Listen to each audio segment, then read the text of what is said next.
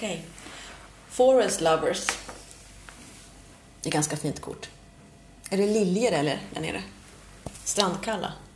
Ja, Fredskalla? Alltså, det, jag vet inte om fredskalla växer i skogen. Nej. Det känns som en så här krukväxt. Men typ så här, julrosor är ju ingen krukväxt. Den växer ju verkligen i Såklart. tropiken. Alltså, Ja. Varje blomma. Det är säkert någonting som växer på brittiska öarna som att Ja. korten är så keltiska. Det var väldigt fint.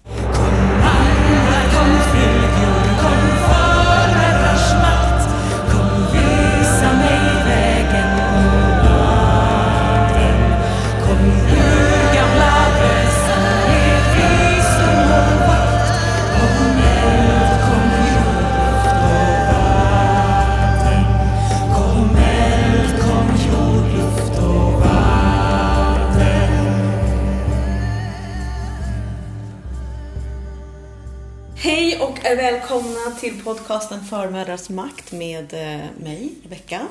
Och mig, Eldin.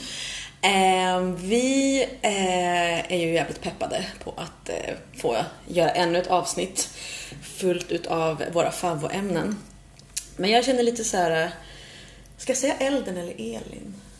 Du kan säga vad du vill. Får säga vad jag vill? Ja, Ja. jag, jag, jag tar liksom tillfället i akt att vara lite extra magisk här och ha mitt magiska namn. Men, jag, jag- men, jag, men det, det kanske inte har något magiskt namn. Alltså jag heter ju Wild Herbarista. Men det känns som att du, om du skulle kalla mig det så skulle det vara skit. Men jag brukar kalla dig Ruby när jag Ja. vill att det ska vara magiskt. Men Ruby är nog, det har ju varit liksom ett namn som jag har haft med. Jag ska säga det nästa gång, ska jag säga Ruby. Okej. Och du säger Eldrin. Okej. Men innan vi börjar så måste jag bara så här få ställa en fråga så att jag eh, känner att jag vet hur den här podcasten kommer gå. Och det är av liksom, vilken är din favoritdoft på rökelser? Vad brukar du ha för rökelser? Åh, alltså... Jag tror nästan att min, min favoritdoft är salvia ändå. Salvia. Jag är så otroligt liksom eh, Mm. präglad på salvia att, att det är att gå in i magiskt space. Vad är det för salvia då du tänker? Ja, Liksom? men Kan man, vit, salvia. som är som ett knippe? Nej men det behöver det inte vara. Det kan Nej. också vara, det kan vara i en rökelsesticka men alltså den lukten är liksom jag har varit med i så mycket ceremonier där man öppnar Mm. med att bränna rö- vit salvia. Just det. Så att det blir som en, ja men jag blir som programmerad på att nu börjar magin när den doften kommer. Okej, okej, okej. Du då? Eh, frankincense eller myrra. Alltså kåda. Som man lägger på kol. Mm. Det, då får jag så här tempel... Jag blir helt... Jag tas tillbaks i tiden. Det är verkligen tempeldoft. Ja, men jag får otroliga liksom...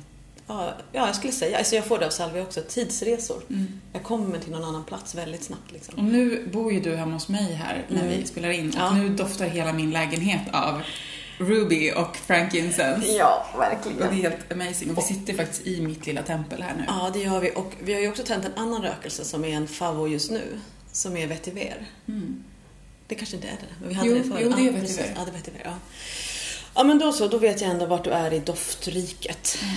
Vilket är en ganska intressant aspekt av det som vi ska prata om idag. Mm. För i Förmödrars makt så eh, tar vi upp lite olika ämnen och idag så ska vi prata om gudinnan. Gudinnan med stort G. Ja. Gudinnorna. Gudinnorna. Goddess. Jag brukar alltid stava fel på engelska. Jag skriver liksom...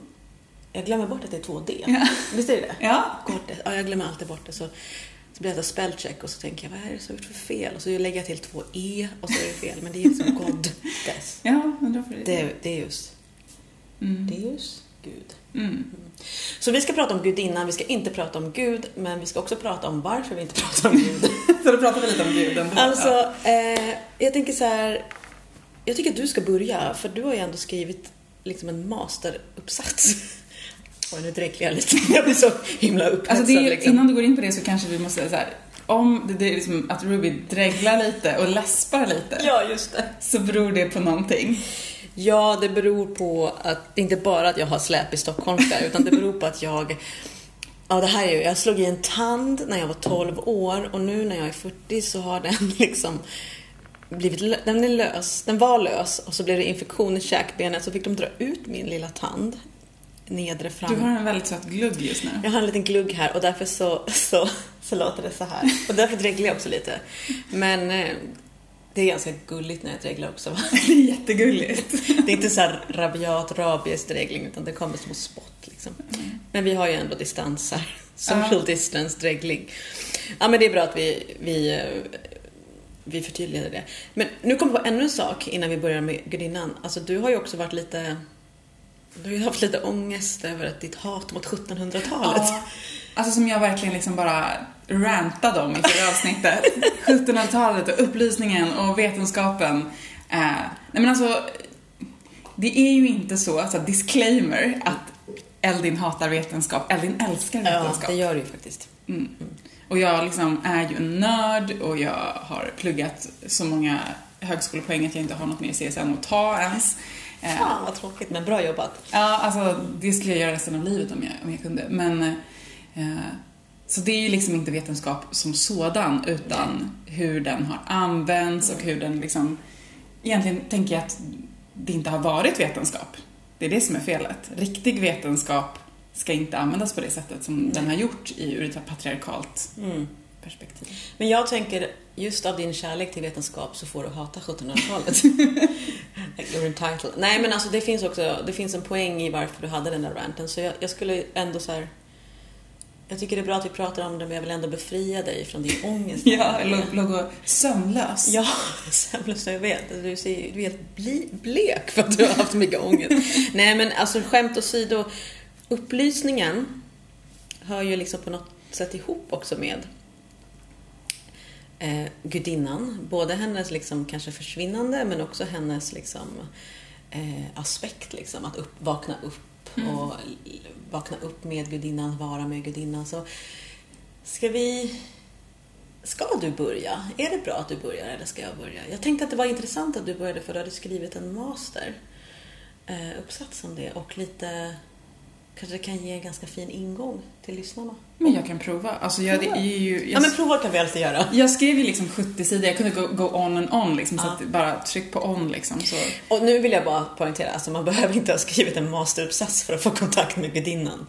Nej. Det är liksom verkligen inte det var så. Inte, det, okej, det var precis tvärtom. Ja, det var ju liksom så att, att jag har liksom, alltså jag utforskat gudinnan på alla så otroligt många olika sätt att jag liksom till slut bara så här, kan någon ge mig studielån för att bara sitta med det här hela dagarna?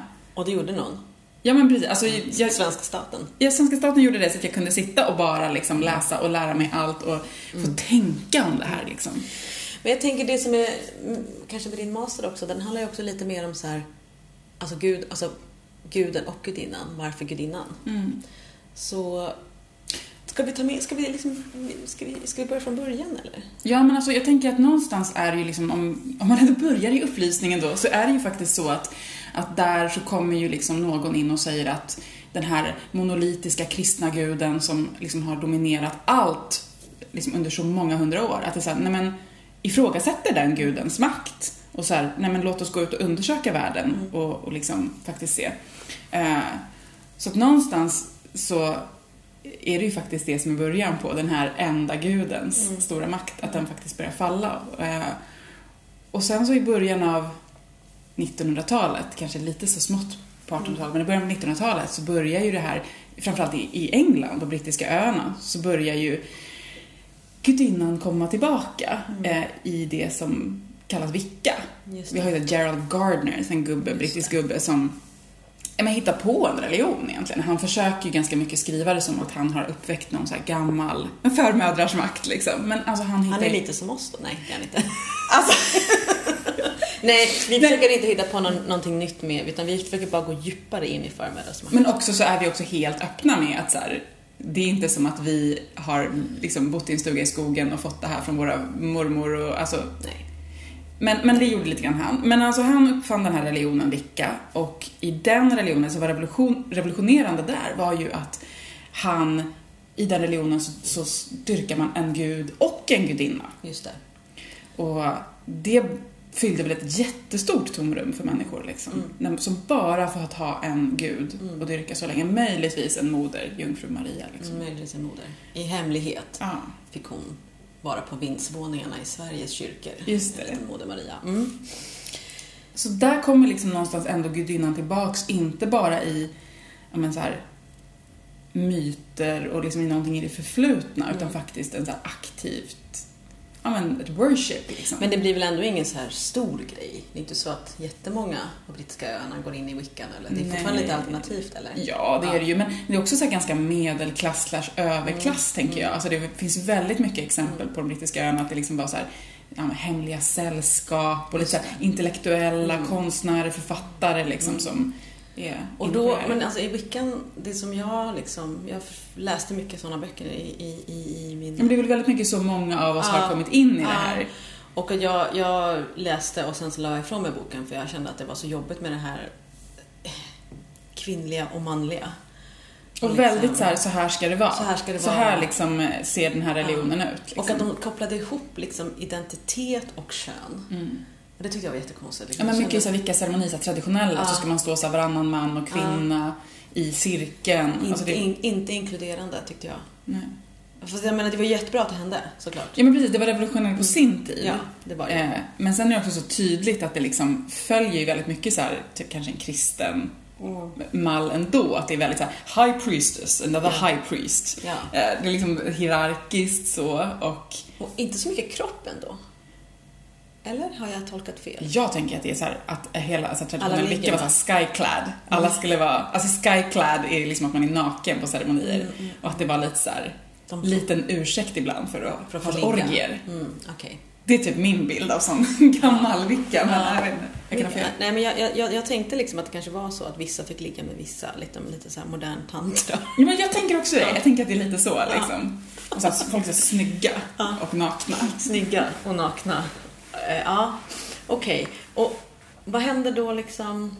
Vad, vad, kommer, vad kommer efter wiccan då när den börjar ut, utvecklas? Men sen så den, den liksom eh, stora nästa förändring är på 70-talet. Med liksom hela den så här, eh, politiska rörelsen, så här, feministiska rörelsen. Och eh, då är det liksom i USA som så här, personer som Starhawk, som kanske, om man har varit inne på det här lite grann, har hört talas om. Så här politiska Spiral Dance har hon skrivit. Just det, så här aktivistiska feminister som eh, jag tänker att du och jag är ganska inspirerade av på något Väldigt, plan här. väldigt. Eh, som också så här, tar upp det här men plockar bort guden till ganska mycket del. Alltså Ja. det är steg för steg liksom och det kommer någonting som kallas för så här Dianic vicka, det. Dian, dianisk Ja, vicka. dianisk vicka på svenska tror jag det blir. Där är liksom enbart fokuserat på gudinnan. Mm. Eh, Och där man också pratar väldigt mycket om att eh, vi, eftersom den, den aspekten både i samhället och eh, även kanske hos kvinnor som grupp har varit liksom undantryckt. Mm. Och det kommer inte kunna finnas någon balans om, inte, om man inte kallar liksom på eh, gudinnan, eller Mm. hur? Att man måste kalla på gudinnan för att kunna balansera upp då. Alltså 2000 Ja. år av enbart en manlig gud Ja. så behövs det nu att vissa i alla fall Ja. Och en manlig gud som har blivit så jävla mycket tolkad av andra män. Ja, Hela tiden i olika religioner och det, det är så stört. Alltså det är ju så, alltså, jag menar jag, jag tycker ibland att vissa liksom religiösa texter är så sjuka i huvudet. De är så, alltså de är så fientliga. Nej men liksom, alltså så här, nu, det är ju många som precis som säger att nej, men du har, då, om du läser Bibeln så eller om du läser Koranen så, så har du tolkat det fel. Fast jag tycker inte det liksom, jag tycker det står ganska tydligt liksom i Gamla Testamentet att typ att man ska liksom eh, döda häxor. döda häxor, att man ska, eh, att kvinnan ska veta sin plats, more or less. Eh, och, att, och sen så liksom, det är klart att det nya testamentet kan man, den tycker jag mycket mer den har alltid varit den delen som jag har känt lite mer... Alltså Gamla Testamentet känns som en sjuk, dålig sagobok. Där liksom väldigt, väldigt enkelspårig. Eh, som handlar om hur rätt och fel. Medan Nya Testamentet tycker jag handlar mer om kärlek. Alltså, av det är ändå i. Nya Testamentet vi har så här, hela den här kvinnan ska tiga i församlingen. Ja, precis. Och, det, och då tänker jag så här att, typ att man måste plocka upp det från Gamla Testamentet. Eh, men samtidigt om man kollar på dem, nu, nu var det typ säkert 15 år sedan jag läste Bibeln sist. Och då har jag ju inte läst den varenda utan man har ju liksom bläddrat igenom och sådär. Men att det finns, det finns ju en mysticism Mm. i kristendomen och det finns en mysticism i alla religioner som är så himla spännande. Och där tycker jag att gudinnan alltid är närvarande på något sätt. Eh, Det finns mer kropp, det finns mer magi, det finns mer... ehm, det handlar inte så om hur man ska leva och rätt och fel. Men För det var faktiskt min första uppsats jag skrev när jag pluggade eh, religionsvetenskap. Då skrev jag om eh, Gud, alltså den kristna gudens fru. För att innan det blev en monoteistisk religion med bara en gud så fanns det en gudinna vid hans sida. Det. Och det här är inte någon så här eh, wishful thinking reading of history utan det är det finns till och med, hennes namn finns till och med i Bibeln och det finns arkeologiska fynd. Det är liksom ett faktum. Att God had a wife. ja, because they had a child. Eller? Aha, men vadå, vad heter hon då? Ashera. Ashera. Och det namnet finns med i Bibeln. Eh, och hon är en trädgudinna. Och jag vet inte det här. I know! Alltså det är liksom... Nu vet ni det. Jag visste inte det. Nu vet ni det. Bär den här kunskapen från äldre. det är ju liksom det här som vi. Det är därför som det är så... Ja men alltså vi behöver fokusera på gudinnor lite grann. För att Mm. vi vet ingenting.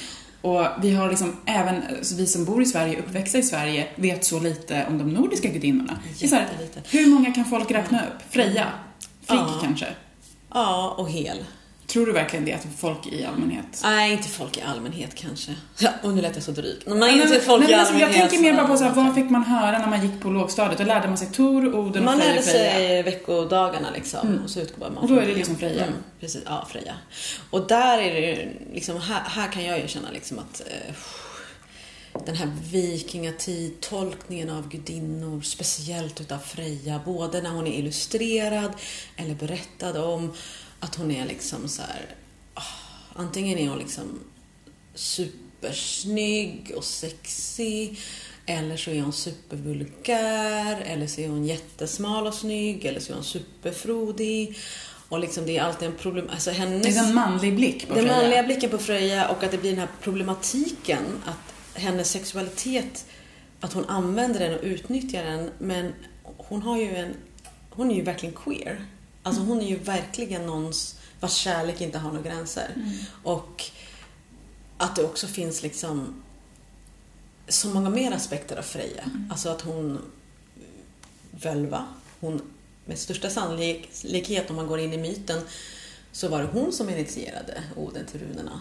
Att det inte behöver vara han som hänger i trädet. Kan inte du bara berätta vad völva är? Ja, en völva eh, är ju en, en vad ska man säga, en, en, en, eh, En position. Man kunde liksom se att hon kunde sejda eller sia in i framtiden och vara i kontakt med gudarna.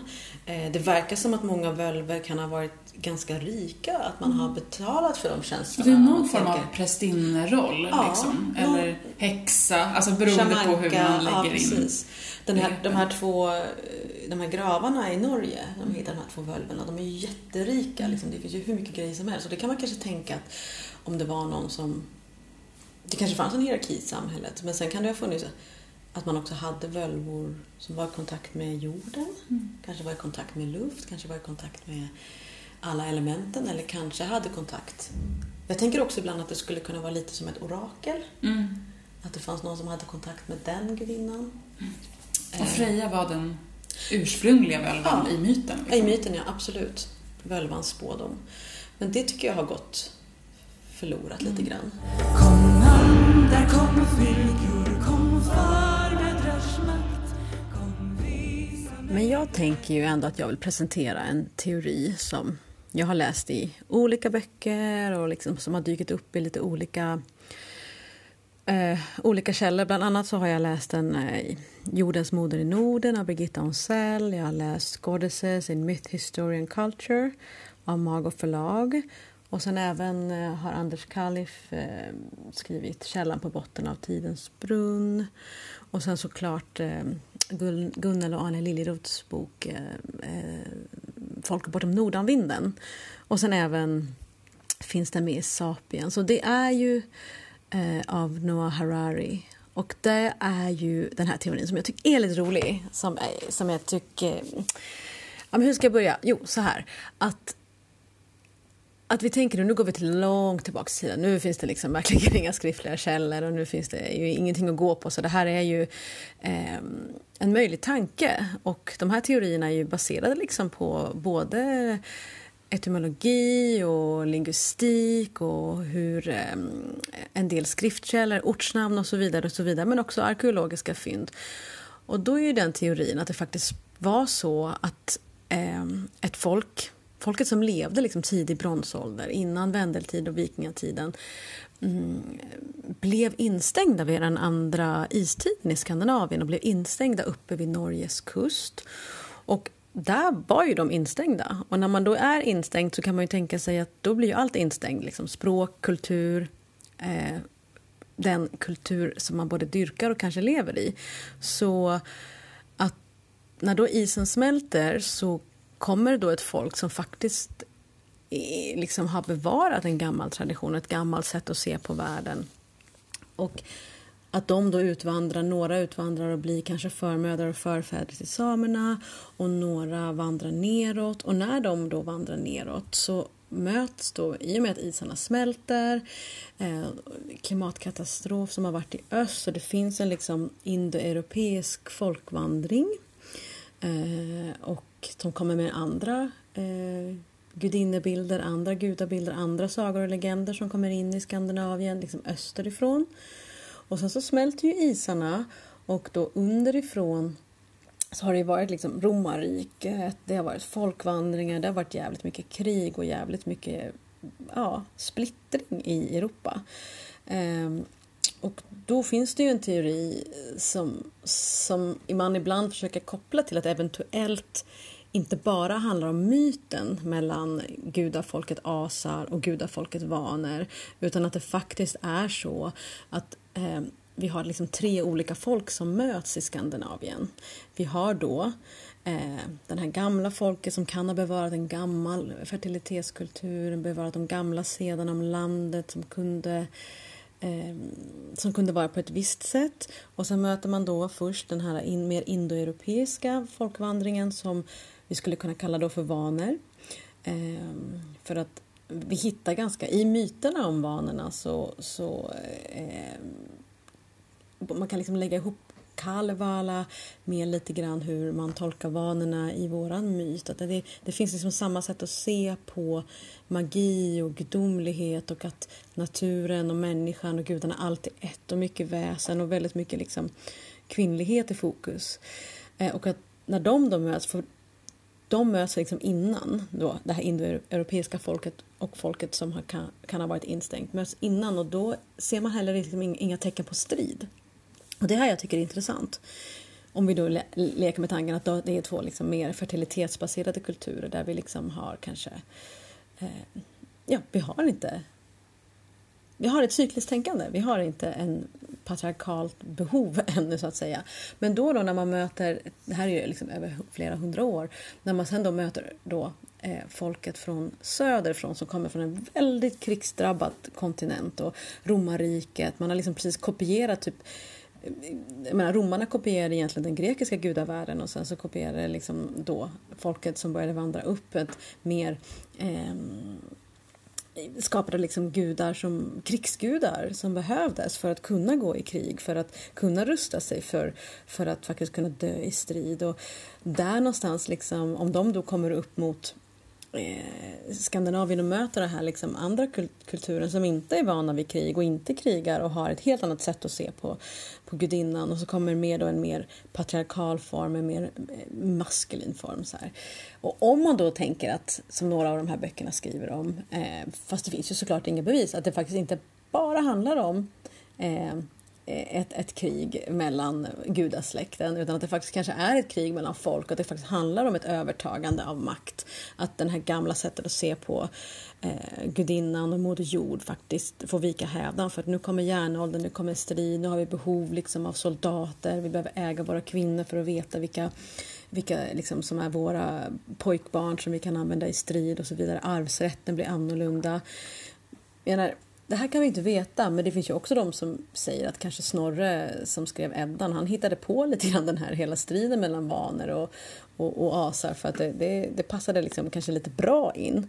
Um, Eftersom om man kollar i Snorres verk så är det, liksom, det är ändå lite vagt tänkt. Liksom. Det, det enda som egentligen är klart, som framgår, är att kriget utbryter som en, liksom en följd av att gudarna vredgas över att den trollkunniga kvinnan Gullveig, som de förgäves försöker döda. Liksom. Och där tycker jag är intressant. Alltså. Då försöker de döda Gullveig. Mm? De försöker döda kvinnan. Vad säger du om den här lilla teorin? Alltså, äh, skitsamma om den är sant eller inte, men jag, därför går vi in på mitt hat om vikingatiden där jag bara känner så här, där gick det bara helt kalas, plakat helt åt helvete.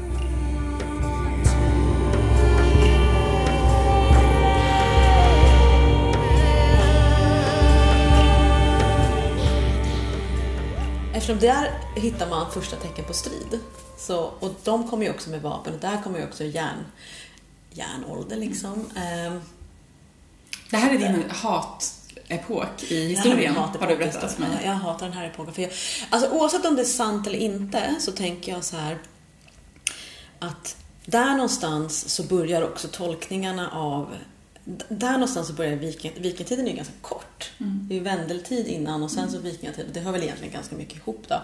Men det är mycket strid överhuvudtaget där. Det är bara strid, strid, strid. Medan man under bronsåldern inte har hittat lika mycket tecken på strid. Och det tycker jag är intressant ur ett ar- arkeologiskt perspektiv. Vad det betyder, I don't know. Men det skulle kunna betyda att Men det betyder i alla fall att du längtar tillbaks till en tid när det inte var strid, stridsbetonat. Exakt! Och det är det jag tänker så här att kanske var det mindre stammar, kanske var det mindre samhällen, kanske fanns det en annat sätt att se på gudinnan.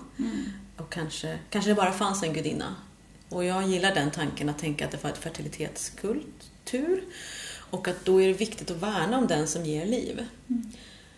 Och den som ger liv behöver värnas om den, det ögonblick som hon ger liv. Men när hon inte är gravid eller i födande position så är hon som vem som helst. Man behöver liksom inte sätta upp kvinnan på någon piedestal, liksom att hon är svagare eller hon är den och den och den. Utan man kan faktiskt vara ganska jämlika. Men man behöver värna om den som ger liv, för annars så dör samhället ut. Och det gör vi ju inte nu. Och det gjorde, det gjorde inte vikingarna. Mm. Och där ser man också då tolkningarna som kommer in och när man har skrivit ner de här myterna så har ju de skrivits ner liksom 200-300 år senare på en ö. Alltså de är nedtecknade på Island, På Island. av kristna munkar. Kristna munkar, Odinpräster och så vidare. Så där kan man ju också tänka att där, fanns en, där blev det ett lager, flera lager, andra lager. Och man fick inte med något väsen. Man fick inte med någon natur. Man fick inte med liksom eh, träden, skogarna, floderna, alla de besjälade. Utanför, jag menar, det finns ju knappt något träd på Island. eller, liksom.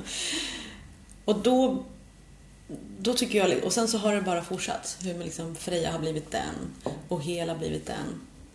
Alltså, eh, gudinnorna reduceras till också bara en aspekt av vad de är. Mm. Alltså Freja får bara vara eh, kärleksgudinna. Ja. Hel får, får bara vara dödsgudinna. Eh, det är väl liksom väldigt så här, Hon får vara dödsgudinna och ta hand om barn och sjuka och de som eh, liksom begår självmord. Och det är liksom ett skäl, att komma till hel är ingenting roligt liksom. Helvetet. Mm. Men lingvistiskt är det ju kul med att det är hel. Hel, hel, Att vara hel. Att vara hel. Helad. Helad. Mm. Hela dig. Och så... Eh, ja, jag vet Och jag inte. tänker att mycket av det vi gör när vi håller på, varför pratar vi om gudinna och varför är vi liksom intresserade av, av det, så är det ju just att för mig är det så att allt som patriarkatet har tryckt undan är jag intresserad av. Mm. Satan. Satan. Mm. Alltså, Satan is a goddess. Ja, Satan- Satan is probably a goddess. Men alltså allting som, allt som är så här, in, kroppen, Mm. mörkret, eh, ja men hel, alla saker som liksom inte har fått plats. är det som är intressant att Mm. precis. titta på och ge plats. Och andra saker som också har blivit bortsatta är ju då en, en sexualitet. Eh, kanske en liksom kanske en balans mellan, mellan män och kvinnor som jag också tror har blivit bortstött. För att jag tycker det verkar ologiskt att, att vi skulle vara kodade till obalans. Alltså det, det it, it gains, man, vad vinner vi från det? Liksom, att förtrycka att förtrycka barn, att förtrycka kvinnor, att förtrycka annorlunda personer. Det är ju bara liksom, det känns som att det är, ju längre vi kommer in i historien desto viktigare blir det att förtrycka för då kan också en industri fungera och så vidare. Så här tidigt, alltså nu har jag ju rant, nu har du vilket århundrade jag hatar på så jävla hårt. Men liksom så här, det blir viktigt då för män att äga sina barn och äga sina kvinnor för att man i princip behöver ha en armé man måste skydda. Och det tycker jag är så här, och då har man liksom verkligen behövt de här starka krigsgudarna. För det behöver man ju om man ska dö i krig. Du behöver ju tro på riktigt att du antingen då kommer till eh, Valhall Och det är egentligen precis på samma sätt med den kristna guden, Ja. som ju först var en del av ett panteon, liksom att massa gudar. Alltså det var inte ett monoteistiskt Nej. folk. Och den kristna guden som vi känner som Javé, eller Gud, Herren, Ja. var liksom en eh, åskgud och en krigsgud. Och så det är därför som liksom han kan skapa syndafloden. Ja. Han kan liksom, och varför man tänker så här, Gud kastar blixtar liksom. Så här, en himlagud och en krigsgud. Och sen fanns också Ashera som var en fruktbarhetsgudinna eh, i det här ökenlandskapet som ju judendomen då som det här är, uppstår i, så är hon jätteviktig. Liksom. Eh, och sen så när, när det här folket, israeliterna, liksom, det som blev judarna, när de blir otroligt förtryckta och jagade av olika liksom, större riken omkring, ja men då blir deras krigsgud viktig för dem. Det. Och så är det den som det blir fokus på. Liksom. Så att jag tänker att det är, det är verkligen intressant att titta på så här, vilka aspekter Mm. har fått plats och varför och Ja. hur just de här men det är liksom det här närande, det livgivande. Mm. Men också det som håller, håller plats för mörker och stillhet och det som inte bara är ljuset liksom. Nej. Nej, precis. För att bara ha ljuset, då får vi ett problem. Och då måste man ju ha, jobba med begrepp som syndernas förlåtelse. Och liksom... När det är så, det är så otroligt Mm. mycket synd, alltså så här, halva liksom aspekterna av livet, mörker, död, Mm. sex, eh, lust, kropp, alltså det är så mycket som, Födande. Ja. som är som stigmatiserat Mm. liksom. Och vetenskapen går ju ganska...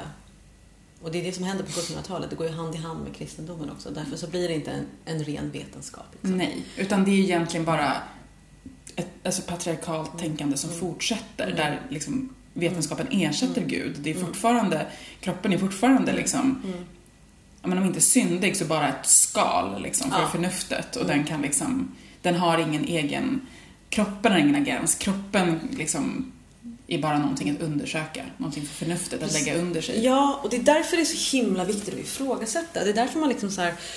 ehm, typ som min son, Ehm, när han nu går i skolan och ska lära sig om nordisk mytologi så blir jag ju typ nästan rasande och bara... Ska det bara stå så här?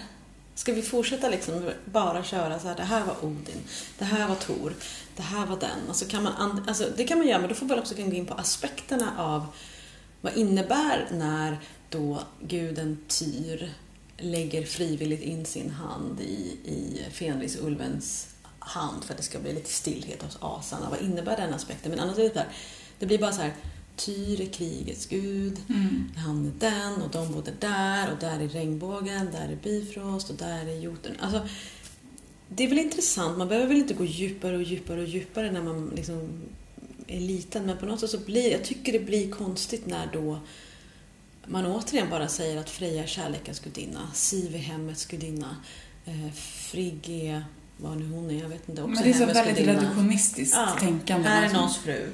Mm. Och det verkar också som att det finns väldigt många gudinnor som inte nämns, typ som Nertus. Vem är Nertus? Ja, men Nertus verkar ju, hon kommer ju med vanorna. Hon nämns ju i liksom, skrifter med vanor att det verkar vara en, en fruktbarhetsgudinna.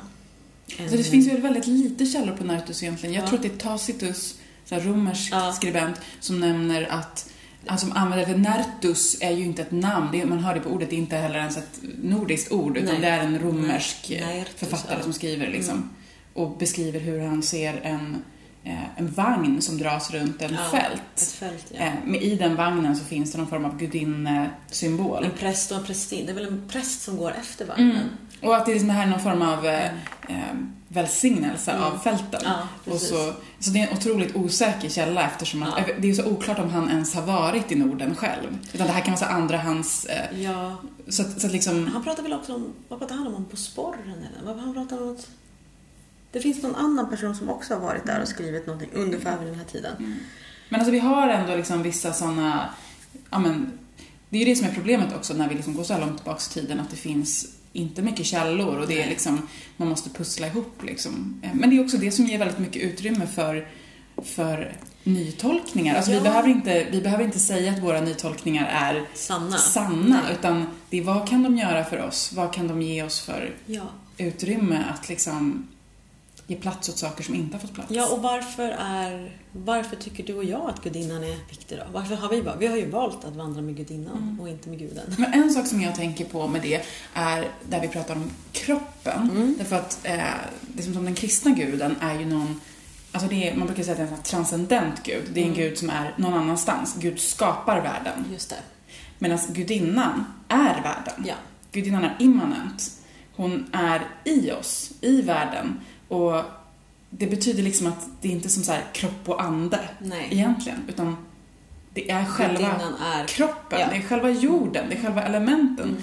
som är heliga. Och, och det är jätteviktigt för mig. Eh, och jag tror att det är en så otroligt viktig, viktig väg till en så här, Och då blir det ju läskigt, för då betyder det att du kan ta ansvar över ditt eget liv och ha fullkomlig makt. ja det är inte någon out there som Nej. kan göra det. Mm. Men också som sagt för mig, varför det har varit viktigt är liksom för att min kärlek till jorden och liksom Mm. en miljö som håller på att totalt kollapsar, så är det liksom att, Och där finns det ju ett samband, ja, eller hur? Sambandet Ja. är så stort och liksom så här, jag är helt övertygad om att vi inte kommer kunna, vi kommer inte kunna liksom få bukt med eh, klimatförstörelsen förrän vi får bukt med eh, män som slår ihjäl sina kvinnor eller Mm. mördar kvinnor eller våldtar kvinnor. Alltså det är, jag tycker det är exakt samma grej. Liksom. Ja. Det, är, det är kropp, kropp liksom, att vi, vi våldför oss på Moder Jord och vi antingen så lyckas de eller så lyckas vi. Jag ser ett vi och dem. Alltså därför så tycker jag gudinnan är viktig ur en mer politisk feministisk aspekt. Att liksom det enda sättet att, att kunna aktivt verkligen rädda och jo, Moder Jord är ju också att bli ett med henne och känna hur, hur man lider när det liksom gång på gång ingen lyssnar på en. Som vi pratade om i förra avsnittet, Ja. alltså utbrändheten Mm. i våra kroppar är en spegling av Moder Jords utbrändhet och att liksom det här går helt hand i hand. Ja, Men jag tänker ändå att det finns de som kanske lyssnar på det här nu, eller de har säkert stängt av för länge sedan. ja Om de ens har klickat på den här Nej. podden. Men De- alltså det kan finnas de som, som ni som lyssnar träffar, som är så här. Men varför måste. Sa ka- de att de tyckte om Satan i den där podden? Jag smög in det. Subtilt litet budskap. Ja, men han, alltså Satan. Ja. Mycket orgier där. Ja, förlåt. Mm. Eh, nej, men alltså att folk kommer tänka så här. Eh, för det är jättemånga som har, som har sagt det till mig, att, så här, att vi typ exkluderar och diskriminerar mot män och, Ja. gud, och gudar. Just det. Liksom. Eh, Det ska vi prata om nu tycker jag. För gör vi det? alltså, gör du det? Gör du det, Eldin? Nej, men jag tänker att... Jag tycker, att, jag tycker först och främst att det är intressant att liksom att någon blir så stressad över att en gud inte får med en liten sekund. alltså det är så här, Men jag Sorry. fick inte vara med. male tears. Nej men alltså, Nej, men jag har inte varit med på 2000 år. ja, det är så här, kan du, kan vi få liksom andas lite runt gudinnan här? Kan, alltså, Gud har fått vara med så otroligt mycket. Mm. Och även liksom som sagt, Tor och Oden och Frej, alltså det är liksom Gudinnan har fått så lite utrymme, så jag tror inte att det är någon risk att vi kommer typ ta över världen, även om jag önskar inget hellre. De ska ta över världen med Satan. Världsherravälde! Satan. Lucifer. Alltså jag känner liksom att den rädslan är lite obefogad. Den är lite obefogad. För att, alltså visst, det, det, finns ju ingen begränsning. För män kan ju vara med gudinnan. Ja. Och det är ju det som är, vore det absolut... Att öppna, att, att som en, en, speciellt en cis-man och hetero, någon som, som kanske lever med en kvinna, alltså det är ju otroligt att våga öppna upp för gudinnan och gudinnans kraft. Ehm, Alltså jag vill verkligen, jag vill typ inget hellre än att befria män från patriarkatet. ja, nej, det, jag, jag med. Alltså det är liksom, det, det, det måste ju lämna, de, de måste lämna det och vi måste lämna Ja. det. Men de jag kan måste, ofta känna att vi har kommit lite längre. För att vi, alltså nu vi som i så här kvinnor, queer-personer, Ja. har liksom levt och lever under ett förtryck Mm. som gör att vi vill slå oss fria. Ja, vi måste precis. det, vi, vi dör liksom. Medan eh, straightasismen har det lite bekvämt. Det är lite bekvämt, eller Ja. det är lite skönt ändå. Så här. Vi behöver inte, det, och det har jag ju, det pratar jag ju ofta om. Alltså, under metoo som jag var väldigt aktiv i, då pratade jag, alltså jag nästan så här, kunde vara så här, men vad, vad, Först så ville liksom de vara med. Och så sa men nu kan ni inte vara med, för ni vet inte riktigt vad vi pratar om i det här, i det här liksom kollektiva uppropet nu, Mm. när vi pratar om förövare och, den, och offer liksom, och maktstrukturer. Men snart så kommer ni få vara med, för då kan vi höja våra röster tillsammans. Och det är för fan ingen som gjorde det. Mm. Och jag ställde frågan, hur, vad är du villig att offra för att stå upp för förtryck? Om du märker förtryck i, eh, på din arbetsplats, är du villig att riskera din position? Liksom? Kommer du stå där? Kommer du vara en bystander? Alltså lä- läskigt nog, även de så här eh, sköna dudes, sweet guy, feministiska killen. Jag är ledsen. Jag blev sjukt besviken för att de gjorde inte det. För det är bekvämt. Jättebekvämt. Och det är inte så jättebekvämt att närma sig gudinnan. Nej. Så det är väl därför vi, alltså vi ser ju inte många straighta cis-män Nej. i gudinnerörelsen. Och det är inte för att man inte är välkommen eller Nej. inte, utan för att det, då måste man kliva ur sin Ja. bekvämlighetszon. Och där är ju många av oss som är inne här, vi har redan liksom pressats ur den zonen Precis. av samhället. Ja. Det är inte ett så stort Nej. steg. Liksom. Och därför så är det ju många, jag tycker att ofta de, de män man träffar i gudinnerörelsen är ju eh, också kanske män som absolut inte trivs i en patriarkal miljö. Mm. Alltså de har redan tagit det, eh, de har tagit det steget men samtidigt så finns det ingen plats för dem. Utan då kanske liksom, ja nu vet jag inte men att någon skulle säga så här, ja men typ att, att han är mesig kanske. De skulle säga, eller att eh, han inte får vara med för att han inte gillar liksom kanske den jargongen eller det snacket. Alltså nu är det väldigt generaliserande men vi behöver kanske vara det. Ja, men sen tänker jag också, men ytterst Mm. så känner jag ju verkligen så att Alltså män i in general lider av, i patriarkatet. Ja, de lider, de män lider, de lider så mördar män mer än män mördar kvinnor. Alltså män det, är rädda för andra män, män är inte rädda för andra kvinnor. det är liksom, så att någonstans så är det verkligen så här, ja den tröskeln är nog väldigt mycket större för, för Mm, män. mm. Men please take the step. Det- Alltså jag, jag, jag hade ju, hade ju liksom en ceremoni där det bara var då kvinnor anmälda och sen så hörde en man av sig och ville komma. Och jag har ju aldrig någonsin haft liksom något stort behov av att ha separatistiska eh, ceremonier om inte det har varit frågan. Utan jag har alltid tänkt att alla, alla kan komma till gudinnan när jag håller en ceremoni. Men här var det verkligen så att, att jag... Då, då, då drabbades jag av att, att jag kanske jag måste ändå berätta då för de här kvinnorna att det kommer en man. För att jag var liksom lite oförberedd på, eftersom det sällan kommer män. Och det var ju jättespännande och alla var ju... Men det som hände var ju liksom att det var klart, alla fick vara med och det var jätte, jättefint hållet. Men ändå så påverkade närvaron liksom att kvinnorna blev mer medvetna om, om mannen. Men, men han var väldigt ödmjuk och inte alls den som tog över eller liksom eh, gjorde någonting så här typiskt mansplaining behavior utan väldigt liksom gudinne. För att han var inne i den här världen. Medan det ändå påverkade kvinnorna som blev väldigt liksom lite så här grövre i munnen och lite flörtiga och förhöll sig. Och jag tyckte det var fint för jag kände att det var sårbart. Men jag kände att också i det där mötet så fanns det en läkning. Eller hur? Att liksom det var så att jag, att jag nästan klev ur lite grann och såg på att wow, det finns ett möjligt möte. Men det är så skört. Och det, Och det kan också behöva, behövas separatistiska rum för att ibland Ja, inte... ja. Den, den skörheten liksom, Ja. ibland så behövs det. Liksom. Nej men jag tycker att, jag tycker att separatistiska rum, jag, jag själv brukar vända mig till separatistiska rum men när jag För att slippa behöva förhålla sig, slippa hamna i den där rollen som man är så fostrad i och bara kunna för en gång skulle få vara en människa, en kropp, en Nej, men jag själ, och jag tror oavsett vad som händer med världen så kommer vi alltid behöva liksom, kanske de olika separatistiska grupperna för att man... Det kan ju vara liksom...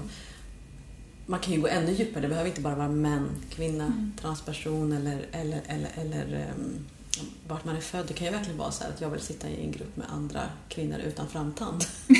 för att prata om det, för Ja. att det är vår delade erfarenhet. Alltså, så att det finns ett otroligt behov av separatistiska grupper men, men jag tror inte jag tror vi måste våga släppa upp ibland också så att vi kan se om någonting har hänt.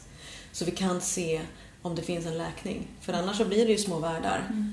Och då möts vi ju inte. Och då kan det ju bli kaos igen. Så att, att, att, att ibland våga hålla en lite mer öppenhet. Men då, det finns en risk såklart. Men, men då får vi lita på gudinnan. Och våga gå där lite i gränslandet. Ja, och våga lite vara i gränslandet och, och inte döma. Men du Rebecka, jag undrar ändå så här. Eh, vem är gudinnan? Ja. Vad är, alltså hur, vad, vad har hon för egenskaper?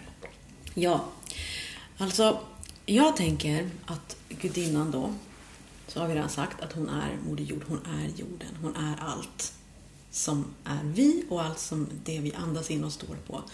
Men så jag kan tycka när jag jobbar med gudinnan och när jag, det blir en väldigt personlig eh, spegling här, men när jag jobbar med gudinnan så kan jag ibland kalla in hennes kraft som en, mm, vad är rätt ord här, en, en allmän kraft. Liksom att jag bara kallar in gudinnan, kom med din, och då kanske jag säger liksom bara kom med din värme eller kom med din kärlek eller kom med din skönhet, kom med ditt lugn, alltså någonting sånt.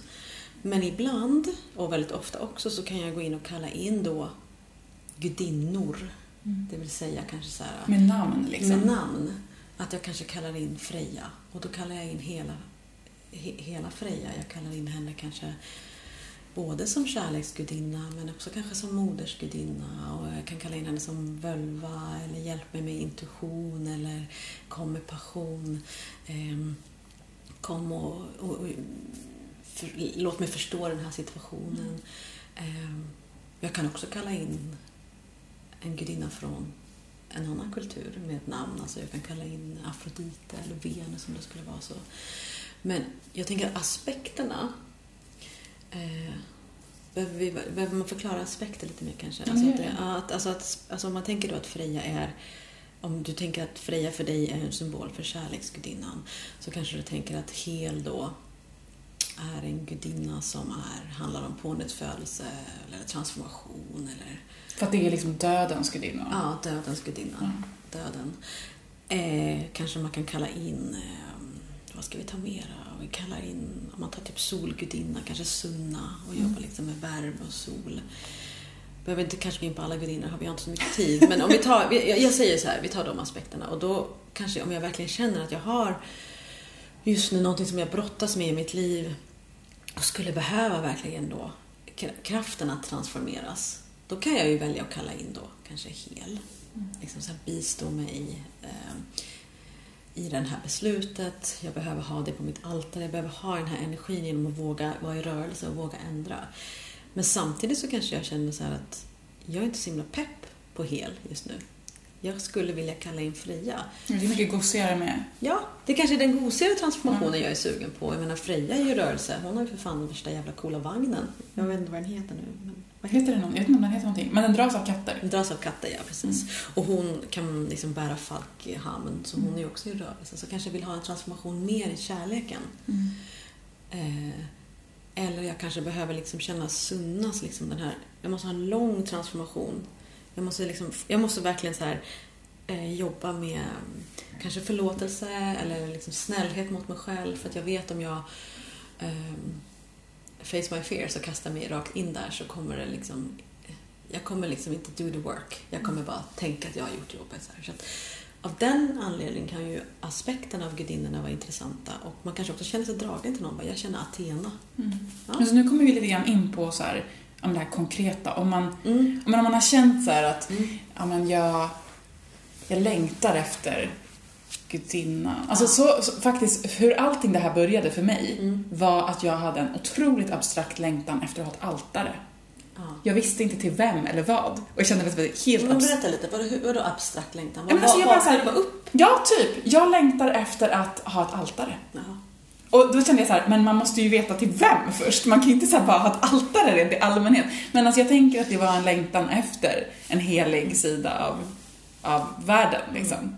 Eh, och, så jag tänker liksom att man kan och att man kan liksom behöver inte vara så, så här, allting måste ske i en viss ordning. Alltså man bara Nej. har en längtan efter att, ja, efter att liksom, någonting, Ja, men okej. Okej, jag vaknar upp och jag känner en längtan till någonting. Jag har något kall i mig. Mm. Jag kanske känner så här. Jag, läng- jag längtar efter mer magi. Jag Mm. längtar efter... gemenskap och jag skulle vilja vara mer liksom, spirituell eller andlig eller jordlig eller gudinlig. Eller liksom så här, gud det här, nu har jag liksom läst en bok och så har typ eh, namnet Freja kommit upp hela tiden. Mm. Kan det vara ett tecken då på att det är dags att... Ja, jag tänker att det är ett tecken att man lyssnar på den här podden. Eller hur? Det är Ja, liksom det det tecknet. Då på ditt altare så lägger du upp en bild på Eldin och en bild på Ruby och sen så dyrkar det oss. Och Du vet vilka rökelser vi tycker om nu, vi har redan sagt det. Nej men absolut. Eh, alltså det är det som är uppvaknande. Det kan också vara så här, det här har jag pratat med ganska många om att så här, nej men jag har så himla svårt liksom att, att göra det här. Alltid när jag sätter mig ner och mediterar så får jag typ upp en bild på Frost. Eller någon annan tecknad film. Man bara, ah, men du typ har barn och kollar på film. Din hjärnas väg in i din avslappning är kanske genom dina senaste intryck. Men följ med Elsa. Alltså vem vill inte följa med Elsa i förresten? Let it go. Nej men alltså Frost 2. Den måste vi prata om någon gång också. Du har inte sett den? Jag har sett. Ja, okej, ja. Men hur som helst. Eh, att, kanske det, att, att, att tillåta sig själv att inte veta vilket altare man ska göra. Att tillåta sig själv att låta en association Mm. till Frost komma upp. För att det kanske är din väg in i magin. Din väg in till gudinnan. Det finns Alltså ingen allting är väg. Gudinna, det, det är liksom skillnaden här på till exempel kristendomen. Ja. Att vi, det är inte så att vissa saker är heliga och andra Nej. saker inte heliga. Nej. Utan, och det finns inte heller någon helig bok som man måste följa. Nej. Och ingen helig kyrka. Det är bara, det är bara att tända ett ljus Ja. och sätta sig, Ja. eller för all del gå ut i naturen och så ljuset finns redan där liksom, i form av solen, stjärnor. Och bara se vad som kommer liksom. Ja. Så verkligen, om du känner det här kallet, alltså vårt råd, det sa vi i förra avsnittet också, liksom gå ut. Eh, Men ja, ja, men gör det. För det är faktiskt, det är faktiskt där är ju tröskeln. Mm. Att gå ut, att kanske liksom då sätta sig i stillheten Mm. och lyssna. För man känner sig kanske konstig om man lyssnar på ett träd eller ovanligt liksom. Men, men, men, men och där, när man väl är där ute, då kan man ju faktiskt liksom egentligen säga så här. Jag kallar på dig gudinnan. Mm. Visa det för mig. Det kommer hända Vem saker. är du? Ja, vem är du? Vem vill komma till mig? Och det kanske kommer ett namn eller det kanske inte kommer ett namn. Nej. Det kanske bara Det kommer är... färger, det kan komma dofter, Känslor. känslor. Alltså om ni gör det här, kan inte ni skriva till oss sen? Och berätta det, vad som hände. Det skulle vara skitkul att veta ju. Mm. I love that. Allting sånt där finns sen i slutet av, i, i show notes och så. Alltså nu, nu börjar vi närma oss lite slutet här men jag känner att vi skulle kanske, kanske kan vi inte prata lite om vart vi är på årshjulet också? Eh, Det har precis varit eh, en ganska stor högtid Mm. för, för oss. Eh. Sowin. eh, Häxornas främsta högtid Ja, kanske. kan också heta alvablot eller... Det stavas Samhain Ja. och är ju en keltisk högtid Mm. från början. Mm, Uttalas Sowin. Sowin. Och här i Sverige kanske mer känt som alvablot Mm. för några. Eller kanske mest känns som Halloween. Halloween i eller, modern tid. eller Alla, Alla helgona. Ja. Dia de los muertes. Och varför är det så speciellt för oss? Why do we love it? För att det är den aspekten av livet och världen Mm. som i 2000 år, kanske längre, har varit mest undantryckt. Och, för, och liksom, det är mörkret, det är skuggorna, det är allting som, Det är haggar. Ja, den gamla Den gamla. kvinnan, den visa, Mm. magin, alltså den häxan. häxan. Mm. Mm. Alltså alla de, och det är därför liksom det är en, en högtid som är förknippad med skräck. Ja. För att det är, ja men våra rädslor, det som gömmer sig i skuggorna. Mm. Vad tyckte 1700-talet om, om uh, Samhain och Eh, Halloween? not so much. Hoppade de över den? Men alltså det som är så Tände jättemycket lampor. Ja, men eller hur. Men det som är så fantastiskt är ju att precis efter upplysningen på 1800-talet, då kommer ju romantiken. Mm. Och det är då skräckfiktionen uppstår. Alltså som en direkt reaktion på upplysningen Mm. så börjar folk skriva skräckromaner. Liksom Dracula, Frankenstein, Ja. alla de är ju skrivna då i Ja, den just det. Just det, epoken. det har jag aldrig tänkt på. Jo, Ja. det är det. Och det är därför jag älskar 1800-talet. Det är Ah. min favorit, mitt favoritårhundrade. Såklart. Ja, men det, är, det är ju också så här, um, vi sa ju i förra avsnittet liksom att man, känner, man börjar liksom känna den där dragningen mycket tidigare. Liksom, att, att vilja gå in. Och jag känner oftast den här längtan till att men jag tycker att det är en så ty, tydlig port in i döden, in i mörkret, in i vilan, in i drömtid eller in i, i någonting annat. Liksom att tillåta sig själv att säga, ja men nu, jag gör, jag gör, jag speglar mig i Moder Jord och gör som hon, jag gör absolut Mm. ingenting. Men det betyder inte att jag inte gör någonting utan mina frön ligger där och vilar. Jag liksom kan ägna mig åt ja, kanske inre arbete eller relationer eller liksom typ laga mina kläder eller vad fan, vad fan som helst. Och det är också så här... Men jag känner också så här ofta en stark... Eh, jag känner en stark kontakt med förmödrar Mm. och förfäder och förlevande den här tiden. Ibland kan jag nästan liksom få en känsla av att de inte lyfter upp mig, men så här, lyfter upp mig som Simba i Lejonkungen. De bara... Nej, men att de står bakom mig. Att jag känner att liksom, jag får en kraft framåt. Och det är ju enligt så här liksom gammal tradition, framförallt i alla fall så keltisk tradition, en tid när eh, slöjan mellan världarna är Ja. som tunnast Mm. och att faktiskt Mm. väsen och förmödrar och Ja. förföräldrar kan gå igenom. Vet du hur man firar Dia de los Muertos i Mexiko? Nej, berätta. Skithärligt. Man bara lagar fett mycket mat, drar till kyrkogården, begravningsplatsen, sätter sig liksom i sina släktingars liksom, gravar och festar.